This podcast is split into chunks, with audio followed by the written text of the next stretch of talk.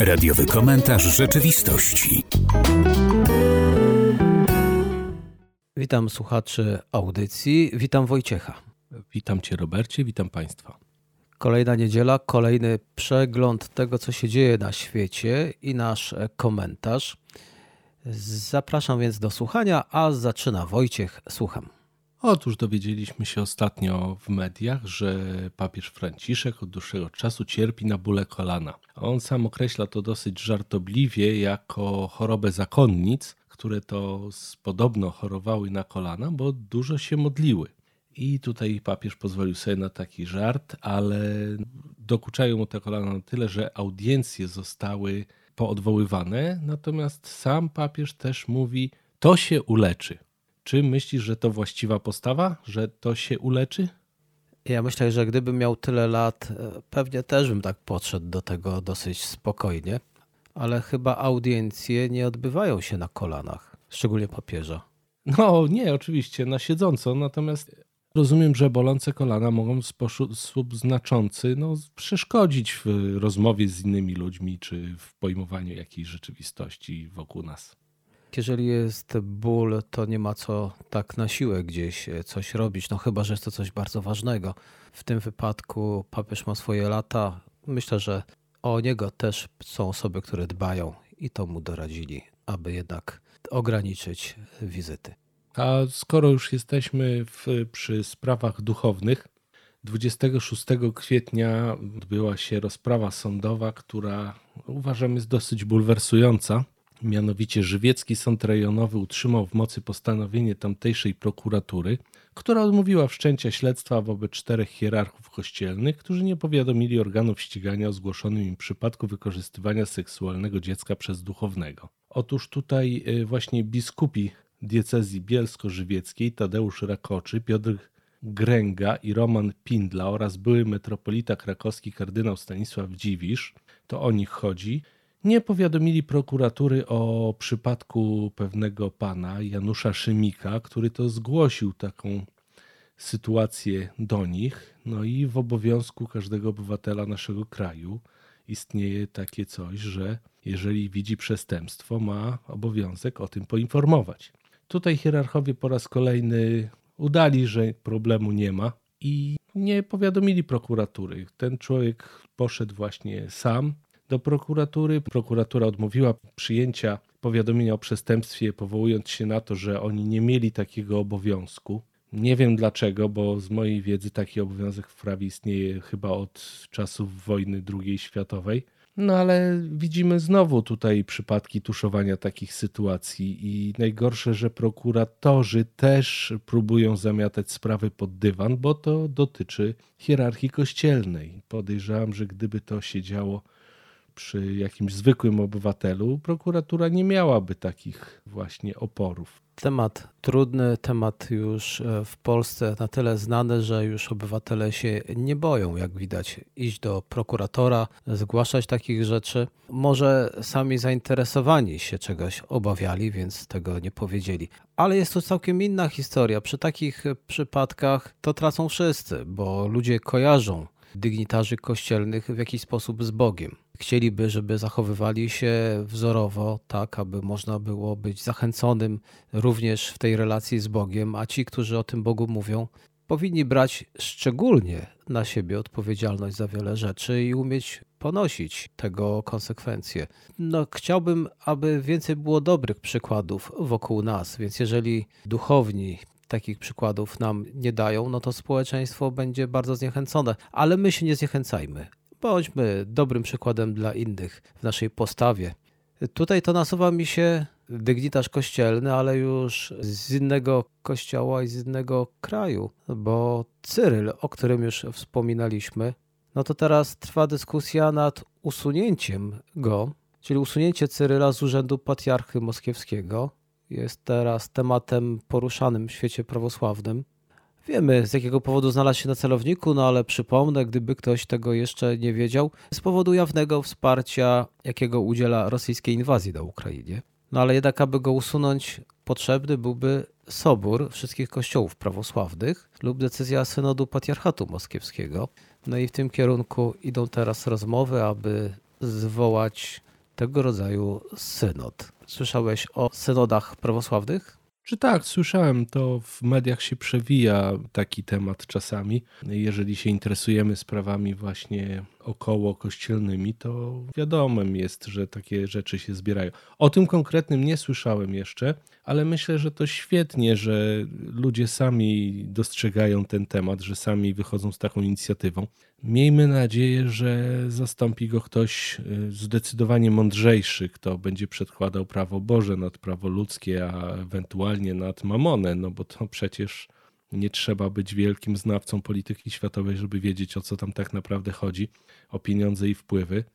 Tutaj politycy różnego rodzaju, właśnie czy znawcy może polityki obawiają się, że po ewentualnym obaleniu Putina nastanie nowy, który być może zrobi trochę luzu na początku, ale to jest tak, że tak powiem, otoczenie Putina i ci wszyscy hierarchowie tam politycy są tak już skrzywieni tym myśleniem, że po prostu oni będą dalej myśleć tak samo, tylko, że tak powiem, może pod innym, pod innym płaszczykiem. I obawiam się, czy tutaj nie może zaistnieć taka sama sytuacja, no bo podejrzewam, że Cyryl też otacza się ludźmi, którzy są w jakiś sposób od niego zależni, myślą tak jak on.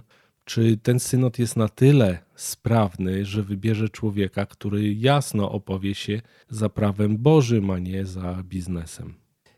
I jeszcze informacja, bo już powiedziałeś, że to nie tylko sprawy religijne. Cyryl jest krytykowany nie tylko za religijny jego punkt widzenia, ale również za swoje bogactwo.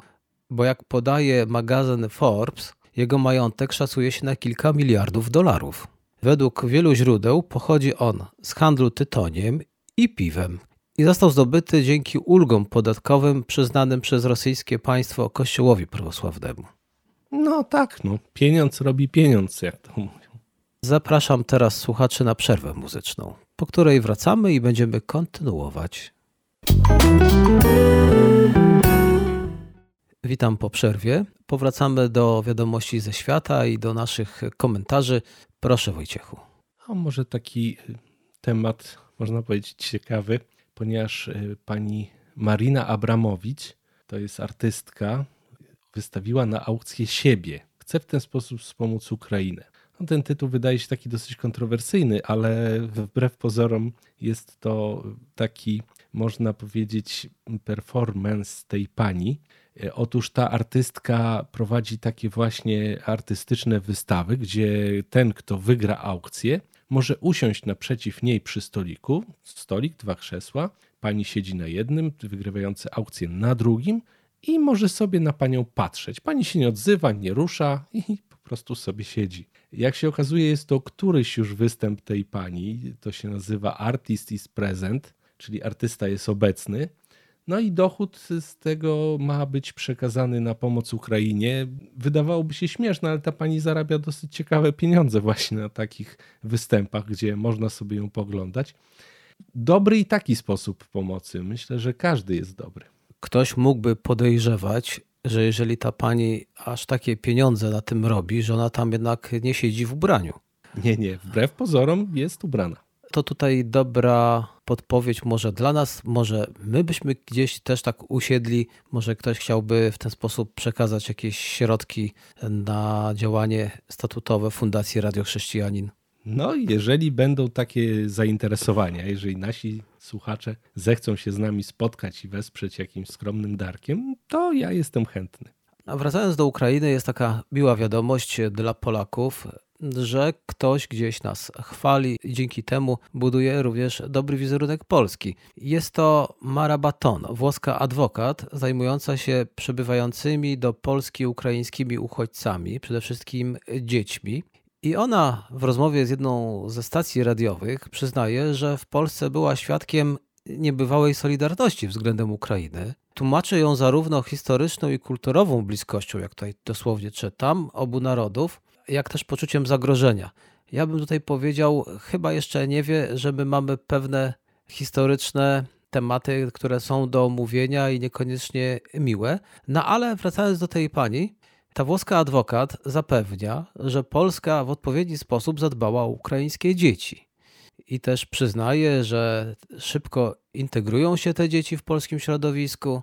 Zostały też uruchomione właściwe mechanizmy, które też pomagają chronić najmłodszych przed nadużyciami i handlem niewolników, no bo coś takiego faktycznie istnieje na świecie, szczególnie teraz należy na to zwracać uwagę. Ale wracając do tego, miło jak to obcokrajowcy w obcych mediach mówią o Polsce dobrze. No tak, a z tego co mówią inni obcokrajowcy, to brakuje nam kaszy i soli. Tak, no i tutaj, prawda, to mnie mocno zaskoczyło. Powiedz parę słów, choć króciutko, gdzie to tak o nas mówią, że u nas taka nędza? Otóż pan Aleksander Łukaszenka, którego no, nikt nie nazywa prezydentem, bo nikt nie uznaje tych wyborów za słuszne, więc pan Aleksander Łukaszenka podczas ostatniego występu w cerkwi, podczas obchodów świąt wielkanocnych, ogłosił, że Polacy do niedawna byli tak wspaniałym, radosnym narodem, a dziś stoją na granicy i proszą o kaszę i sól Białorusinów, którzy oczywiście chętnie pomogą. I z tego, co się dowiedziałem, to nawet nasz rząd wybudował ten mur po to, żeby Polacy nie szli na Białoruś po kaszę. No takich czasów dożyliśmy. Strasznie u nas musi być. Proszę zwrócić uwagę, że dla Białorusinów kasza i sól jest jakimś synonimem luksusu.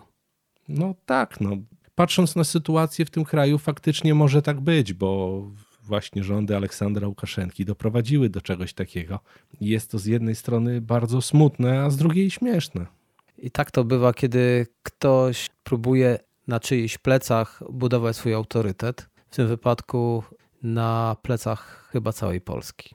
A jeżeli jesteśmy już przy tematach kulinarnych, to zdarzyła się bardzo ciekawa historia ostatnio, ponieważ amerykańscy żołnierze przekazali pewnej Włoszce 90-letniej, Mary Mioni, tort urodzinowy, odśpiewali jej 100 lat w języku angielskim i w języku włoskim. Dlaczego to zrobili? Dlatego, że ich amerykańscy koledzy w 1945, kiedy wyzwalali Włochy, ukradli właśnie tej pani jako 13-letniej dziewczynce tort z okna. Sytuacja miała miejsce w kwietniu 45, kiedy trwały walki. Ona z mamą ukrywała się na strychu, żołnierze strzelali, wyrzucali z tego miasteczka Niemców. Na drugi dzień, kiedy strzały ucichły, były akurat urodziny tej pani i mama, chcąc jakby zatrzeć niemiłe wspomnienia tej nocy z tej strzelaniny, upiekła dla córki tort, postawiła go na parapecie akurat przechodzili głodni amerykańscy żołnierze i się poczęstowali tym ciastem. No i teraz po 70 latach, 77 w zasadzie latach, postanowili przeprosić i oddać to, co zrabowali. Taki miły gest. Jak to mówią, lepiej późno niż wcale. Upamiętali się i jakieś zadośćuczynienie. No tak, bo 100 lat zaśpiewali.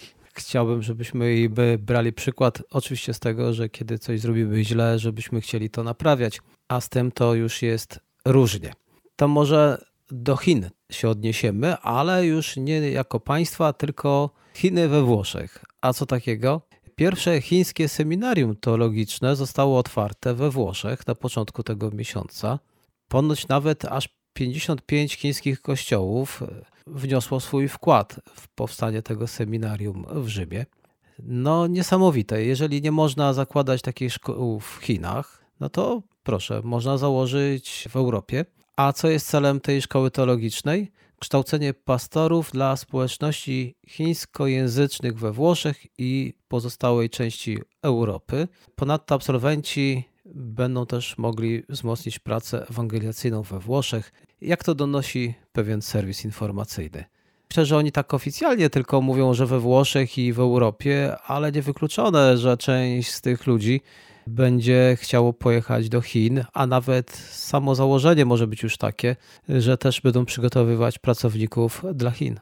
Jest to wykluczone. Ktoś by mógł powiedzieć, a że to takie działanie, taka kropla w morzu potrzeb, ale wydaje się raczej, że to jest kropla, która drąży skałę, bo Dzisiaj wykształcą jedno pokolenie, te pokolenie przekaże dalej i dalej i dalej. I to myślę, że jest fajny przyczynek do tego, żeby wiara rozchodziła się szerokim strumieniem w Chinach. Wiadomo, że no, w chwili obecnej nie będzie to jakieś może spektakularne, ale znamy sposoby Bożego działania, gdzie najpierw z małych rzeczy wyrastają coraz większe, jak chociażby w przypowieści o ziarnie gorczycy, tak? gdzie na początku było małym ziarnem, takim małym seminarium, potem wyrosło wielki krzew. No ci ludzie rozjadą się, tak jak mówisz, pewnie pracować wśród tych Chińczyków. No niech im się wiedzie.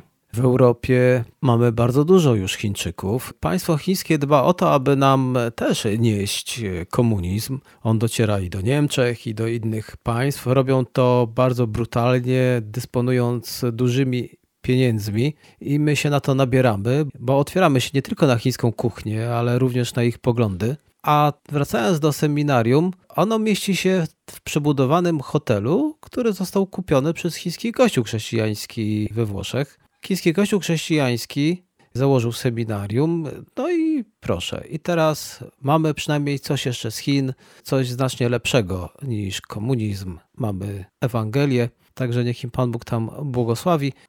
Niech im Pan Bóg błogosławi. Jakiś komentarz? Nie, nie, no, myślę, powiedziałeś wszystko. Chyba przerwę trzeba. I tym chińskim akcentem kończymy część drugą. Teraz przerwa muzyczna, a potem wracamy. Powracamy do audycji. Radiowy komentarz rzeczywistości. Czy masz swoje konto na Twitterze? Nie, akurat nie używam tej platformy, ale mniej więcej się orientuję o co tam chodzi. To w tym tygodniu Elon Musk osiągnął porozumienie w sprawie zakupu Twittera za 44 miliardy dolarów. Być może słyszałeś o tym. No tak, to się odbiło szerokim echem w mediach ten najbogatszy człowiek na świecie, przynajmniej oficjalnie, jest teraz chwalony przez Franklina Grahama za jego postawę, jeśli chodzi o wolność słowa, bo bardzo wiele osób patrzy teraz z nadzieją, że na Twitterze wreszcie będzie można wypowiadać się, a nie być tylko wciąż cenzurowanym i banowanym z tego powodu, że się coś mówi nie tak, bo nie idzie to po polityce samego Twittera. Bitwa o kontrolę nad Twitterem toczyła się nie tylko o firmy, ale także o samą wolność słowa i o to właśnie chodzi, żeby ten Twitter był jednak takim miejscem, gdzie jest wolność słowa. No i jak powiedział to Graham, cieszę się, że ktoś, komu tak bardzo zależy na wolności słowa, angażuje się w tę platformę. No to jest, zgadzam się, że wolność słowa jest mocno ograniczona. Pamiętam kiedyś e, w dyskusji z przyjaciółmi na jednej z platform chciałem umieścić taki żartobliwy mem z wizerunkiem Adolfa Hitlera i on akurat był bardzo, no bardzo żartobliwy taki, a ta platforma uznała, że jest to propagowanie faszyzmu i mi ten, to zablokowała. Musiałem niestety ten obrazek pokazać potem w inny sposób kolegom, żeby nawiązać do tej rozmowy. Więc niestety dwa tematy, które się tu nasuwają. Pierwszy to taki, że faktycznie cenzura, której niby nie ma, a jednak jest, a z drugiej, że tą cenzurę wprowadzają maszyny, bo tak naprawdę człowiek nie byłby w stanie tego wszystkiego przefiltrować, tej całej treści. I znów oddajemy po prostu władzę nad swoimi wypowiedziami maszynom, które mówią nam, co jest dobre, a co nie. Może się spełnić ta wizja, że maszyny przejmą kontrolę nad światem. Jak widać, w jakimś wymiarze to się dzieje. Już przejmują, tak jest. A jeśli chodzi o Elona Muska, skoro już o nim powiedziałeś, to też właśnie no, w dzisiejszych czasach wygląda to, co powiem, może wyglądać dosyć śmiesznie. Ale w przyszłości nie wiadomo, ponieważ Elon Musk bardzo mocno pracuje też nad rozwijaniem sztucznej inteligencji i na ostatnich jakichś tam targach czy takim jakimś spotkaniu powiedział, że w przyszłym roku chcą przedstawić całkowicie autonomicznego robota, który będzie miał postać człowieka z około 170 cm wzrostu. No taki po prostu humanoid, który ma wyręczać ludzi w prostych obowiązkach. No i według tych wszystkich, że tak powiem, futurystów, no tak to się będzie zaczynało, czyli najpierw proste obowiązki, potem coraz ważniejsze, a potem możemy swoją wolność sprzedać maszynom za, za nic. Ewentualnie stracimy pracę, bo już trafiła do mnie informacja fachowców, którzy przewidują, że pewne zawody, które teraz są jak najbardziej poszukiwane, chodzi innymi o kasjerki, kasjerów, bo w tej chwili pracę znaleźć jako kasjer rzeczywiście można i to bez problemów. Ten raport mówi, że za kilka ładnych lat e, będzie to już zawód na wymarciu, dlatego że to przejmą już komputery. Jeżeli patrzymy na duże sieci supermarketów, to tam coraz częściej są uruchamiane te kasy bezobsługowe, gdzie człowiek sam sobie wszystko waży, mierzy, potem płaci kartą. Tam chodzi tylko jedna pani, jeśli coś się zatnie. Ale faktycznie w tym tempie po prostu wszystkie markety zechcą przejść na takie kasy samoobsługowe, no bo po co płacić ludziom, skoro inni ludzie mogą sobie sami to zrobić. Dlatego jeżeli ktoś planuje zostać kasjerem, to może teraz, bo jeszcze można zarobić, ale nie jest to praca przyszłościowa, jak z tego można byłoby wywnioskować. A teraz do Szwecji, a potem przeniesiemy się do Francji. Chciałbym nawiązać do tematu, który już był poruszany. Chodzi o sytuację, że szwedzki rząd chce zakazać szkół wyznaniowych. No i jak tu mówi pewien ekspert, rząd może odnieść sukces w tym zakazie. Szwedzki ekspert w dziedzinie wolności religijnej uważa, że szwedzkiemu rządowi może się udać zakazanie niezależnych szkół wyznaniowych. Uważa, że Europejski Trybunał Sprawiedliwości zachował się tchórzliwie już w podobnych sprawach, więc teraz wcale więc teraz wcale nie musi stanąć po stronie chrześcijan, ale stanie po stronie rządu, a wręcz zostawi to rządowi szwedzkiemu, bo przecież każdy kraj powinien takie decyzje podejmować sam w ramach Unii Europejskiej. Ponoć jest do tego wolność. No tak, ale też ta wolność jest troszkę różnie widziana w różnych przypadkach. Natomiast faktycznie, no tak jak się patrzy na te rozstrzygnięcia Komisji Europejskiej, faktycznie ten ekspert może mieć dużo racji, że nie będą chcieli się aż tak wystawić. Natomiast tutaj rządowi szwedzkiemu faktycznie może się to udać, ale czy to się powiedzie? Bo udać się to oczywiście rząd prowadza prawo i powiem, przegłosowuje je, tylko czy się nie okaże, że mieszkańcy w najbliższych wyborach y, powiedzą, co myślą na ten temat i może być z tym różnie. Szwecja generalnie jest uważana za kraj świecki, więc tutaj jest to jakaś tożsamość narodowa, gdzie oddzielili to bardzo od siebie. No ale jeśli chodzi o wolność, no to gdzie tutaj jest wolność? No ale cóż, no chcemy społeczeństwa, w którym będziemy mogli w sposób świadomy, wolny i czuć się bezpiecznie wyznawać wszelkie poglądy. Podejrzewam, że za zakazem takich szkół mogą pójść już później inne zakazy przestrzeni publicznej aby tylko umniejszyć obecność ludzi religijnych. Czyli jak najmniej religii. Nie w szkole i nie w szkoły religijne, tylko w ogóle.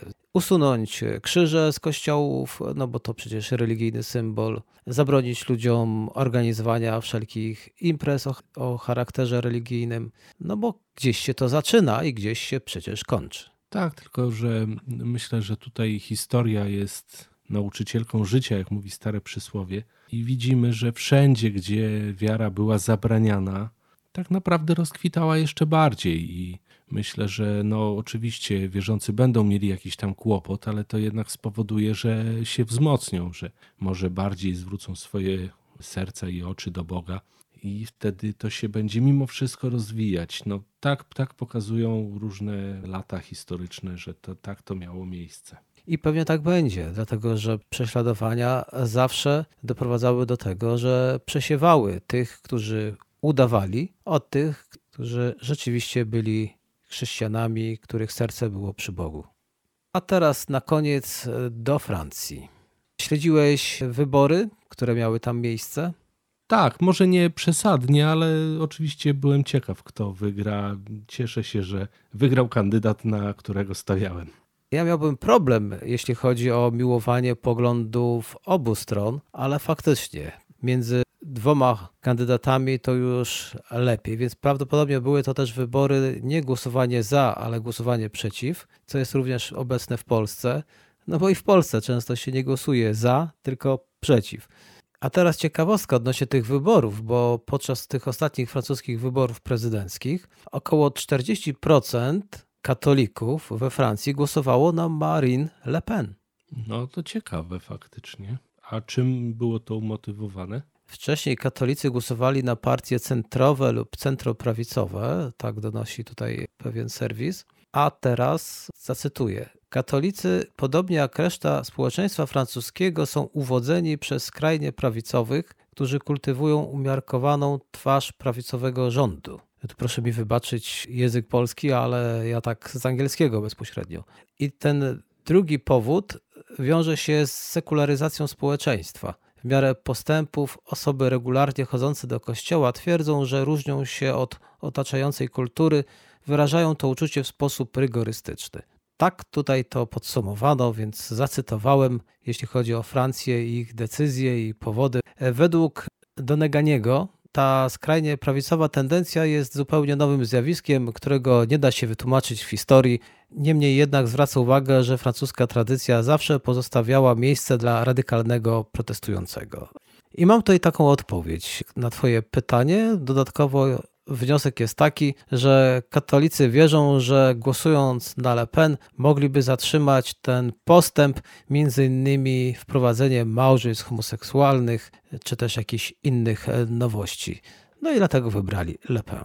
Teraz to się troszkę rozjaśniło. Ja tylko się obawiam jednej rzeczy, bo często pod takimi populistycznymi hasłami typu zatrzymamy małżeństwa homoseksualne kryją się też inne hasła, które już nie są tak korzystne dla wszystkich pozostałych i ograniczenia wolności swobód, bo zawsze się obawiam czegoś takiego, że na początku zechce się ograniczyć właśnie wolność osób LGBT, a następnie się ogranicza coraz bardziej wolność pozostałych w społeczeństwie, bo jednak tutaj było poparcie, była możliwość, udało się, więc można dokręcać śrubę. A sądząc po wystąpieniach pani Le Pen, to, to nie, nie szło we właściwym kierunku. Ona się wprawdzie odcięła potem od y, polityki prorosyjskiej, no ale mimo wszystko, jeżeli sytuacja by się zmieniła, nie wiadomo, czy ta polityka prorosyjska by nie wróciła. Tu jest całkiem poważny problem, że wykorzystuje się głosy na całym świecie, głosy chrześcijan właśnie wykorzystując ich poglądy. A prawda jest taka, że wielu tych chrześcijan nie zdaje sobie sprawy, że cudownie byłoby żyć w kraju, w którym, tak jak zauważyłeś, będą mogli praktykować swoją wiarę, ale muszą w zamian coś dać, a więc dać też prawo innym do praktykowania ich przekonań. Jeżeli się już zacznie zabraniać, to wcześniej czy później, i tu się z Tobą zgodzę, wszyscy na tym stracą, bo będzie się zabraniać a jestem zdecydowanie bardziej zwolennikiem, żeby się pozwoliło. Jednym i drugim. Ja nie podzielam ich poglądów, ale nie mogę ludzi niewierzących zmuszać do praktykowania moich poglądów chrześcijańskich. Ja bym chciał ich przekonać, że moje poglądy są słuszne, no ale siłą to się chyba to nie uda. No nie, zdecydowanie wszelkie działania na siłę przynoszą wręcz odwrotne rezultaty, tak jak mówiliśmy o przymuszaniu do rezygnowania z wiary. I tym to akcentem kończymy naszą dzisiejszą audycję. Dziękuję za uwagę i zapraszam na kolejną. Do usłyszenia. Do usłyszenia. Był to radiowy komentarz rzeczywistości.